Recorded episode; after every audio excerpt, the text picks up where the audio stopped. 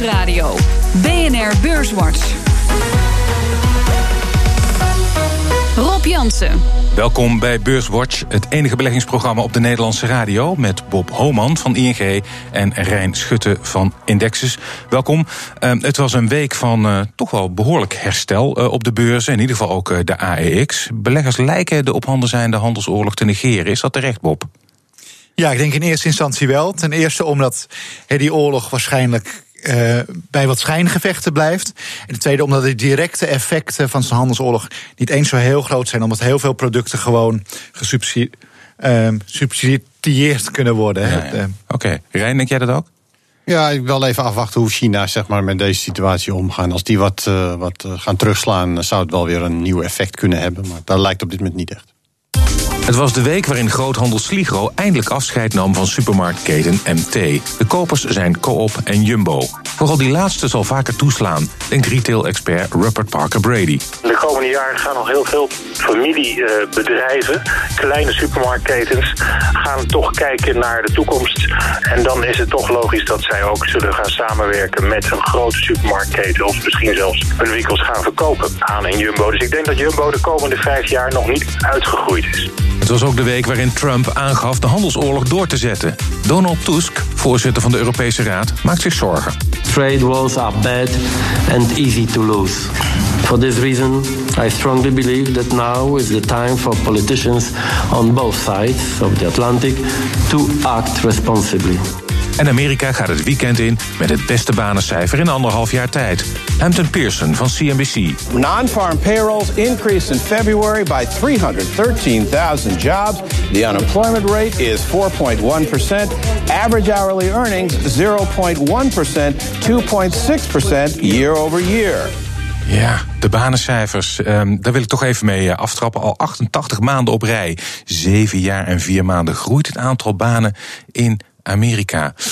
Bob, oververhitting dreigt? Ja, ik denk het wel. Het werd deze maand heel goed opgevangen. Hè, omdat er uh, enorm veel mensen die niet geregistreerd won, uh, stonden naar de arbeidsmarkt toekwamen. Uh, dat houdt een keer op. Dus je, je zou mogen verwachten dat er gewoon een keer wat krapte ontstaat. Ontstaat ook al in sommige sectoren. En midden- en kleinbedrijf geeft ook echt wel aan. We kunnen moeilijk mensen vinden. Dus er komt een keer wat looninflatie. Maar deze maand zag je nog niet. Maar ik verwacht hem binnen een paar maanden wel. Jij ook, Rijn? Nou, kijk, ik denk wel dat we een kanttekening moet maken aan het. Als je kijkt wat voor banen erbij komen. Die groei zit er met name in, in horeca en, en voedingssector. En dat, dat zijn over het algemeen toch wel de lager betaalde jobs. Hmm. Krimp zit er toch nog wel een beetje in het middensegment. Dat echt meer naar de lagere salarisgroep. Daar zit, uh, daar zit wel echt wel vraag naar. Ja, en het is wel zo dat deze cijfers, in ieder geval uh, voor de Fed, die zal waarschijnlijk op 21 maart de rente verhogen, toch? Mag ja, mag, mag dat, dat, dat, lijkt wel zeker. Ja. ja. En ik denk ook, heel veel mensen zitten nu nog op drie renteverhogingen in 2018. Ja, met dit soort cijfers mag je toch echt wel naar die vier renteverhogingen nou, dat, dat toe gaan. was inderdaad mijn volgende vraag, Rijn. Vier renteverhogingen, denk jij het ook? Ja dat, ja, dat ligt er gewoon aan. Kijk, als, mocht er verderop in het jaar een, en ergens een vertraging komen, dan, dan zullen ze daar heel snel weer van afzien. Ze willen niet het gevaar lopen die rente te snel optrekken, omdat je dan weer uh, verder een negatieve effect op korte termijn uh, kunt, uh, hmm. kunt krijgen. Maar ik, ik, als ik nou kijk naar uh, deze uh, banencijfers, ik zet het net even in perspectief. Hè, zeven jaar en vier maanden. Als je nou een aanhanger bent van de zevenjaarscycli, hè, zeven goede jaren, zeven magere jaren. Uh, is dat ook een reden om te zeggen van nou, of geloof je niet zo in, die, in dat soort cycli, uh, Bob? Nou ja, ik geloof wel in cycli, maar niet dat cycli aan ouderdom uh, sterven. Dan moet er iets, iets aan de hand zijn. En inderdaad, dat kan. Um, gestopt worden als de rente te hard oploopt. Maar ja, het lijkt ook wel of er genoeg tendensen, Rijn haalt het net al aan, dat rente wel wat oploopt, maar niet te. En daar moet, je moet ook niet vergeten, de overheid gaat aan het eind van de cyclus nu flink investeren in Amerika. Ja. ja dus die cyclus wordt gewoon nog wat opgerekt. Dus die ja. zeven jaar wordt dit keer gewoon wat langer. Ja, uh, nou ja, het is grappig dat je zegt, inderdaad, die, die, die, de overheid, Trump gaat ook zijn best doen om uh, 1500 miljard in de infrastructuur te pompen. Heeft die infrastructuur ook wel nodig. Maar ehm, dat is voor de overheidsfinanciën weer niet zo goed, Rijn. Nou, maar daar heb je ook al denk ik het effect van gezien op die, op die dollarkoers. Denk ik dat die eh, door dat soort investeringen aan het eind van die cyclus, of dat dan nog noodzakelijk is, is een, is een ander. Hij gaat dat gewoon doen. En dat zorgt eigenlijk dat die dubbeltekorten oplopen. Dus zowel je handelsbalans als je de begrotingstekorten lopen verder op. En ik denk dat dat een beetje die druk op, op onder andere euro-dollar heeft gegeven. Hmm. Um, als we blijven nog even in Amerika, namelijk eh, de handelsoorlog, waar eh, die al eerder is genoemd. Er komen dus heffingen van op aluminium, op staal en aluminium. Dus op staal 25% en aluminium 10%. Canada en Mexico worden uitgezonderd van deze maatregelen. Bob, jij zei. Ik moet het allemaal nog zien, in zijn schijnbewegingen. Maar waarom dan? Wat wil hij hier nou mee? Heb je daar enig idee van? Nou ja, hij heeft natuurlijk een, een tekort. Uh, Amerika importeert veel meer dan ze exporteren. Nou, dat kan je op verschillende manieren oplossen. Uh, alleen door een handelsoorlog zal het niet lukken, omdat er tegenmaatregelen uh, komen. Amerika zal, ze hebben een dubbel tekort. Het komt juist omdat Amerikanen te veel uitgeven. Dus eigenlijk moet de overheid nu, in plaats van waar we het net over hadden, extra uitgeven, juist wat gas terugnemen. En in de andere blokken wat meer eh, uitgeven. Maar goed, dat gebeurt niet. Um, dus het lijkt er nu op, Canada, Mexico worden uitgesloten. Hij heeft ook al gezegd, ik ben ook bereid naar anderen te kijken. Dus lees Europa. Dan is China, waar het grootste handelstekort met Amerika mee is, blijft over. Nou, dat blijft wel staan. Is denk ik meer symbolisch, want ik geloof dat 3% van de staalimport in Amerika komt uit China. Die zullen een tegenmaatregel doen die ook niet heel veel impact heeft. En wat mij betreft is het dan wel weer eventjes klaar. Ja, eventjes klaar. Um, de, de Rijn, de, Europa maakt zich toch wel zo. Er woorden net Tusk, hè, die zei van ja, eh, niemand wint eigenlijk van zo'n oorlog. Dat is ook wat jij zegt, want je komt eigenlijk in zo'n spiraal terecht. Um, maar ja, als hij nou Europa nog uit elkaar kan spelen, want dat is ook een beetje de angst die hier leeft. Als hij dan met individuele landen deals gaat sluiten, Tata mag wel en uh, Kroep dadelijk niet, dan hebben we toch wel een probleem. Ja, dat klopt wel. Maar je ziet wel een beetje de tendens bij, bij Trump. Die gaat overal met een gestrekt been in. En die kijkt dan wat de reacties zijn. En dan uiteindelijk eh, komt er toch wel weer een soort uh, een tijdelijke oplossing... Wat, wat minder hard lijkt dan op het moment van aankondigen. Ja. Kijk, dit stond gewoon in zijn verkiezingsprogramma. En hij wil koet koet laten aantonen van... ik doe gewoon wat ik heb gezegd. En dat is natuurlijk, daar zijn we niet meer aan gewend geraakt de laatste jaren in de, in de westerse wereld. En, en, zeker op dit vlak laat Europa zich niet uit elkaar spelen. Daar is gewoon één lijn. We willen geen handelsoorlog. Het is slecht voor een economie uiteindelijk. En daar is buiten Trump en zijn adviseren Navarro, geloof ik, iedereen van overtuigd. Um, en, en, en ik denk wat dat betreft ook uh, de, de wijsheid uh, die, die komt hier wel. Ja, nou ja, dat is grappig dat je zegt. Want uh, uh, Gary Cohn werd toch wel gezien, uh, dat, is een, dat was zijn topadviseur op economisch gebied. Geen domme man. Navarro waarschijnlijk ook niet. Maar als die het wordt, dat is wel een havik als het gaat om handelsrelaties, toch? Ja, ik las net een leuke quote van hem. Die zei, ja, ik ben er om de intuïtie van Trump, die altijd goed is, te bevestigen. met, met, te staven met, met een economische wetenschap. Ja, ja dat is dat gaat je niet hard maken. Ik, nou ja, ik denk dat, dat zo, als zoveel economische dingen, heel veel dingen kan je van meerdere kanten uh, bekijken. En dat zal hij hier, uh, hier zeker doen. Maar uiteindelijk, uh, ook in de Republikeinse Partij, zijn de meeste mensen gewoon voor vrijhandel. Ja. Um, ik wil ook nog even naar Europa, de ECB. Die zijn deze week met een rentebesluit gekomen. Zoals ja, iedereen kan weten. Um, als het minder gaat met de economie in de eurozone, dan zal de ECB het inkoopprogramma niet verder uh, opvoeren. Dat uh, werd met gejuich uh, ontvangen op de beurzen. Um, nu kopen ze nog elke maand voor 30 miljard aan obligaties op. Bob, was jij verrast door deze mededeling? Nee, nee, dat moest er toch een keer af. Hè. En uh, ook zeker om die, die dollar en de euro niet al te ver uit de pas te laten lopen.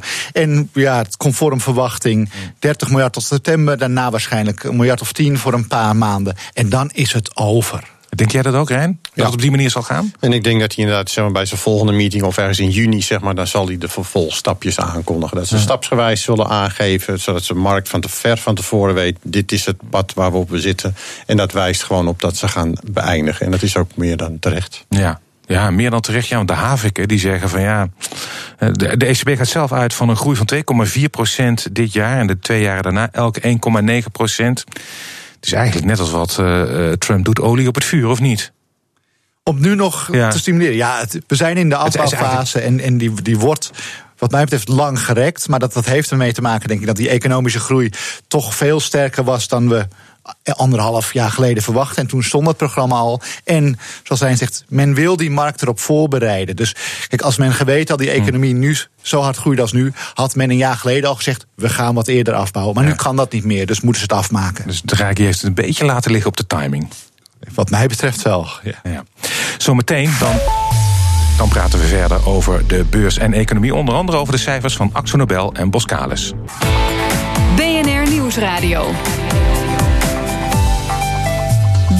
Beurswatch. Nou, we hebben onder andere over de cijfers van uh, Axo Nobel. Dat doe ik met Bob Homan van ING en Rijn Schutte van Indexes. Maar eerst maken we de balans op van de afgelopen week. De AEX die sloot op 537,1 punten. En dat is 3,6 procent hoger dan vorige week. Stijgers. De drie grootste stijgers in de AEX op weekbasis. Op 1 Alberts Industries, een plus van 11,3 procent. ASML 9,6 procent erbij. En Unilever staat op de derde plek met een plus van 6,1 procent. En het midcap aandeel dat het beste presteerde deze week was Sligo met een plus van 11,3 procent. Dalers. Dalers. Dalers. De drie grootste dalers in de AEX. Boskalis verloor deze week 9,4 procent. ArcelorMittal 1,1 procent. En Deleuze is nummer 3 met een min van 1 procent. En in de midcap was de grootste daler deze week Air France KLM met een min van 4,6 procent. En de AEX is deze week alle dagen in de plus gesloten. Ik wil even beginnen met uh, Boskalis. Uh, weer een flinke tik uh, deze week. Grote speler in de bagger- en offshore-industrie. Topman Bedowski die ziet de komende twee jaar geen verbetering op de markten waar het bedrijf actief is. Um, Bob, terecht dat aandeelhouders dit laten, beleggers dit aan de kant schuiven? Ja, ik denk het wel. Hè. Dat vinden mensen niet leuk. De omzet daalt, de winst daalt. En dan ook nog aangeven dat 2018 ook heel moeilijk blijft. Wat ik vind, waardeer de eerlijkheid overigens. Ja. Uh, het gaat ook nog uit de AEX en naar de ja. AMX toe. Dat is voor indexbeleggers denk ik ook wel wat minder. Dus ja, dan is het aan alle kanten mis. En dan, dan gaat er gewoon wat van de koers af. Rijn, ben jij ook uh, positief of, of zo, zo, negatief moet ik zeggen? Nee, over ik, het aandeel? ik, ik, ben wat positiever gestemd. Dit bedrijf, zeker die topman, staat bekend om vrij conservatief te, te prognosticeren. En uh, je moet niet vergeten dat als ze wel een order ergens uit het Verre Oosten binnenhalen voor een grote opdracht, dan ziet het orderboek er vrij snel opeens wel weer wat anders uit. Ik hou wel vast, die 2018, 2019 outlook is zeer terughoudend. Maar als je over de lange termijn kijkt, is dit echt geen gek idee om dit aandeel eens een keer op te nemen. Ik heb nog een euro dividend in april. Of ja. in mei. Dus het, ja. het is niet zo. Uh, zo ja, ziet het niet zo heel slecht uit. Ik, hoorde wel, ik las wel dat uh, in de, de, nieuwe orders die binnenkomen tegen lagere winstmarges worden geboekt. Ja, marges zijn lage. En, en je merkt, er is een hele hoop capaciteit in die sector. Die is vrij beschikbaar. Dus die hoeft niet echt georderd te worden. Die kan elke dag ingezet worden. En buiten Boskalis om. Dus ja, er is gewoon wat overcapaciteit. Omdat olie- en gasbedrijven weinig investeren. Dus ja, als er grote orders binnenkomen, hartstikke mooi. En dan moet je ze misschien ook wel hebben. Maar ik, ik wacht er liever op tot, tot ik dat echt zie. Ja, ja, eerst zien dan geloven.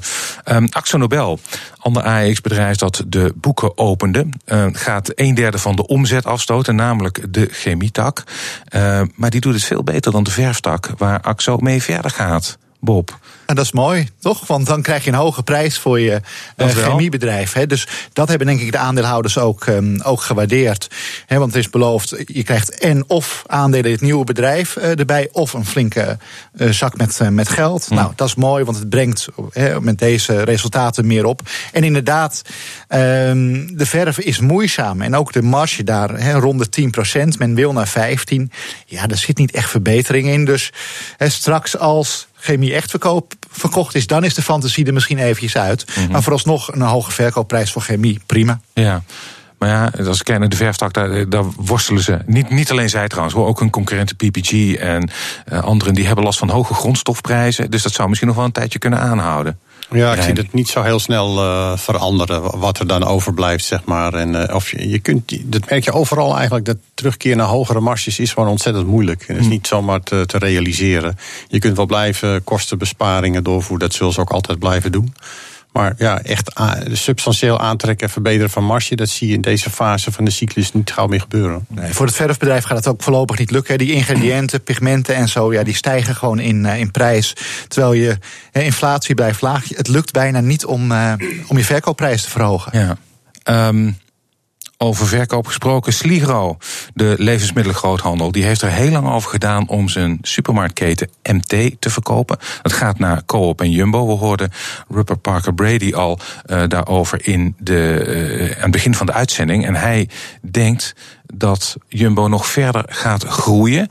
Uh, Bob, denk jij dat ook uh, dat ze dichter uh, tegen Albert Heijn in Nederland zullen aankruipen? Nou ja, er zit nog een aardig verschil in. Maar ze zijn hard dat op klopt. de. Hard 20 op de, en 35 geloof zoiets, ik. Hè, ja. Ze zijn hard op de goede weg. En ik moet zeggen, als je er komt, het ziet er prima uit. Ja. Moet Dick Bo Boer zich zorgen maken, Rijn? Nou, die maakt zich wel zorgen, maar ook om andere dingen, laat ik het zo zeggen. En ze hebben nog steeds een uitstekende positie uh, mm. in, in Nederland met name. Maar ja, die concentratietendens zal zich gewoon voortzetten. Want die kleintjes gaan het gewoon niet redden tegen die grote partijen. En dit was voor Sligro ook een goede deal, omdat ze daarbij ook nog die, uh, zo'n contract voor uh, Laplace-levering zeg maar, ja. daarbij hadden. Dus een goede prijs en een meerjarig contract. Dus ik denk dat iedereen tevreden is. Ja, ja, dus die 11% is wel gerechtvaardigd. Is het ook een, een aandeel waarvan je zegt van nou, is voor de belegger wel interessant, Bob? Nou, ik vind nu de fantasie er wel een beetje uit. Hè. Ja, ja. De fantasie was de verkoop van die MT-supermarkten. En nu betaal je geloof ik 18, 19 keer de winst. Ja, vind ik wel pittig. Een familiebedrijf, het is ook veel in vaste handen. Dus er gaan niet heel veel aandelen om. En ze moeten denk ik aardig wat investeringen doen. Hè, in, um, um, in hun distributiecentra, die moeten ja. gedigitaliseerd worden. Ja, ja dat, de investeringen zijn wel hoog de komende jaren. Ja, ja dus dan, daar, daar gaat nog veel uh, geld tegenaan. Ander bedrijf waar uh, een familie grote invloed heeft, maar waarvan wel uh, de liquiditeit wat groter is, is Heineken. Um, maar en ik, ik, denk ook wel dat heel veel particuliere beleggers dat in hun portefeuille hebben. Want veel beleggers zijn denk ik wel trots op Heineken. Maar deze week uh, kwam naar buiten dat het bedrijf zich waarschijnlijk, uh, van bronnen, men vermoedt dat Heineken zich gaat terugtrekken uit China. De grootste biermarkt ter wereld, Bob.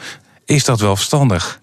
Ja, daar kan je over uh, discussiëren. Maar Heineken wil in landen waar het zit een nummer 1 of 2 positie ja. hebben. Ze hebben hier een hele kleine positie. En dan is het ook nog niet het premium bier wat ze verkopen. Hè. Volgens mij Sol en Tijger, um, dat, dat zijn niet de premium bier. Wat ze wel graag willen, want daar zitten hoge marges op. En voorlopig lijkt China ook meer volumeland dan uh, hoge marges hè, voor uh, premium bieren. Dus ja, en die 1 of twee positie gaan ze nooit redden. Ja. Want Anheuser-Busch en hoe heet ze, China Resources Beer... die hebben elk 25 procent. Ja. Heineken geloof ik maar drie of ja, iets in die geest. Dus ja, verkoop lijkt me prima. En dan concentreren op landen waar je wel de nummer één of twee bent. Zie jij dat ook zo, Rijn? Ja, ze hebben wel wat last ook met name van die lokale brouwers. Hè. Die tendentie wel eigenlijk overal, ook in Nederland, maar in de rest in Europa ook. Want die lokale brouwerijtjes uh, opeens toch weer uh, in de picture komen en, en veel belangstelling trekken. En, en voorheen was het eigenlijk bierverkoop een dalende tendens. En, en, nu zie je toch weer belangstelling voor die speciaalbieren. Ja. Dus dan gaan ze zich gewoon heroriënteren. Dat lijkt me een goed plan. Ja. Um, ik ga even, je, je stipte al aan, Bob, dat Boskalis uit de AEX uh, gaat verdwijnen. Het is de jaarlijkse update, de herschikking van zowel de AEX als de AMX, en dat is de midcap, en trouwens ook van de small cap index. Um, als we kijken naar die samenstelling, de AEX krijgt verzekeraar ASR en lampenfabrikant Philips Lighting erbij. Is dat een welkome aanwinst voor de index, Rijn? Ja, alleen ik had zelf liever dan gezien dat de Gemalto's en Altize van deze wereld eruit zouden gaan om het weer een beetje Nederlands echt te houden. Maar ja, uh, ja op zich zijn dat uh, prima bedrijven die er keurig in passen. Zeker qua market cap uh, kwalificeren ze natuurlijk uiteraard daarvoor. Ja. Mee eens, Bob? Ja, en het valt me op, hè, met ASR komt de vijfde financial in de index. Ja. Dat was ook zo in uh, periode 2005, 2007. Hè. Maar ik moet wel zeggen, het gewicht van, de in, ding, van die bedrijven ding, samen... Dat speelde er toen ook alweer. Precies. Ja. Het gewicht van die vijf uh, financials was toen 35 procent. Nu geloof ik iets van 17. Uh, dus het, het, is nog niet heel topzwaar, maar nee. wel veel financials uh, zo ja. langzamerhand. Dat is altijd lastig hè, met zo'n index. Want inderdaad, uh, Berdowski, de topman van Boskalis, die heeft gezegd... ik vind het jammer dat ik eruit ga, want Altis, Gemalto... nou wordt Gemalto gaat sowieso uh, eruit... maar ArcelorMittal, eigenlijk ook geen Nederlands bedrijf. En met een index loop je ook tegen het probleem dat de financials uh, uh, zwaar wegen. In de Bel 20 is AB InBev geloof ik bepaalt min of meer uh, de koers van de Bel 20. Lastig. Ja, dat, dat zie je. Hè. Heel veel indices ehm, die hebben een enorme gewicht op een bepaald aandeel of een bepaalde sector. Overigens, als je dan op lange termijn weer kijkt eh, in de hele wereld, al die indices ontlopen elkaar op lange termijn weer niet heel veel. Nee. Maar juist op korte termijn kan dit wel grote verschillen veroorzaken. Maar dat is juist denk ik leuk voor de actieve belegger. Die kan dan de ene index eh, tegen de andere index spelen. Ja, in de midcap, eh, daar komen onder andere takeaway, of onder andere de twee die daarbij komen zijn takeaway.com, dat is de moeder van thuisbezorgd.nl, en metaalbedrijf AMG. Dat laatste is voor mij een beetje een black box, moet ik zeggen, maar eh, Hij heeft het gigantisch goed gedaan. Hè? Eh, vorig jaar een paar keer over de kop. Ja, ze hebben eh, lithiummijnen en, Ja. en lithiumproductie. En dat wordt voor batterijen voor elektrisch rijden gebruikt. Dus daar wordt Hm. een enorme toekomst eh, van verwacht. En ik moet zeggen, de winstgevendheid is ook wel hard toegenomen bij het, bij het bedrijf. Dus wel, ja, en ook weer eens wat anders. Hè? Een, Ja. Een, basismaterialenbedrijf in de index. ja. En eh, takeaway.com, de moeder van thuisbezorgd, aanwinst, Rijn. Nou, ik moet eerlijk zeggen, toen ten tijde van die beursintroductie was ik nogal sceptisch. Omdat ik Ja. het eh, qua waardering stevig vond. En vond dat ze heel veel geld in marketing eh, moesten stoppen. Maar ja. dat heb ik al heel fout gezien. Want die zijn, hebben het uitstekend gedaan. Ja, dat is waar. Ja. Dat is een beetje vergelijkbaar met Facebook. Maar het blijft ook wel een vechtmarkt, moet ik zeggen. Ik zag die cijfers van concurrenten van de week. En die hadden het toch ook wel, eh, blijven het wel lastig houden. Ze blijven elkaar wel bestoken met. eh, Ja. Maar zeker als je vindt dat indices hè, en economie moeten weergeven, Ja. past een thuisbezorgbedrijf bedrijf heel goed in zo'n index. Ja, ja. Ehm, ja, we zijn alweer bijna aan het einde eh, van deze uitzending. En dan weten de vaste luisteraars, dan vraag ik mijn gasten om een tip. Dat mag van alles zijn: eh, aandeel, eh, eh, vastgoed, obligatie. Eh, Rijn, wat is jouw tip voor de luisteraar? Ja, ik, ik koos voor Volker Wessels, ondanks dat hij uit de midcap gaat. Ik Ja, vind, de bouwsector eh, kwalitatief de allerbeste. Ze komen eind deze week eh, met cijfers. En ze- ook zij te lijden gaat onder het probleem bij die zeesluis in Amuiden. Ja. Maar hebben gezegd dat hun prognose daar niet onder zal lijden. Volker Wessels, eh kooptip van jou. Bob, wat is jouw tip? Eh, dat is het Duitse eh, nutsbedrijf E.ON. Eh, financieel heel erg gezond, de gezondste denk ik in de sector. Kerncentrales moeten ze afstoten. Ja. Daar hebben ze het geld allemaal volledig voor gereserveerd. Zijn goed bezig met allerlei duurzame activiteiten, zoals meters, oplaadstations en dergelijke. En je betaalt 13 keer de winst, krijg je 5% dividend. Nou, nu, met de, nu de Duitse ehm, coalitie afgerond is, komt daar ook wat rust politiek. Dus misschien een mooi moment. E.ON en Volker Wessels. Ehm, daarmee zijn we aan het einde gekomen van deze aflevering van Beurswatch. En ik dank uiteraard mijn gasten van vandaag. Bob Homan van ING en Rijn Schutte van Indexus. Volgende week is er natuurlijk weer een Beurswatch. Deze uitzending kunt u naluisteren op de website van BNR of via de BNR-app. Heeft u nog vragen, dan kunt u mailen naar beurswatch.bnr.nl of een tweet eh, sturen naar Rob. Dank voor het luisteren.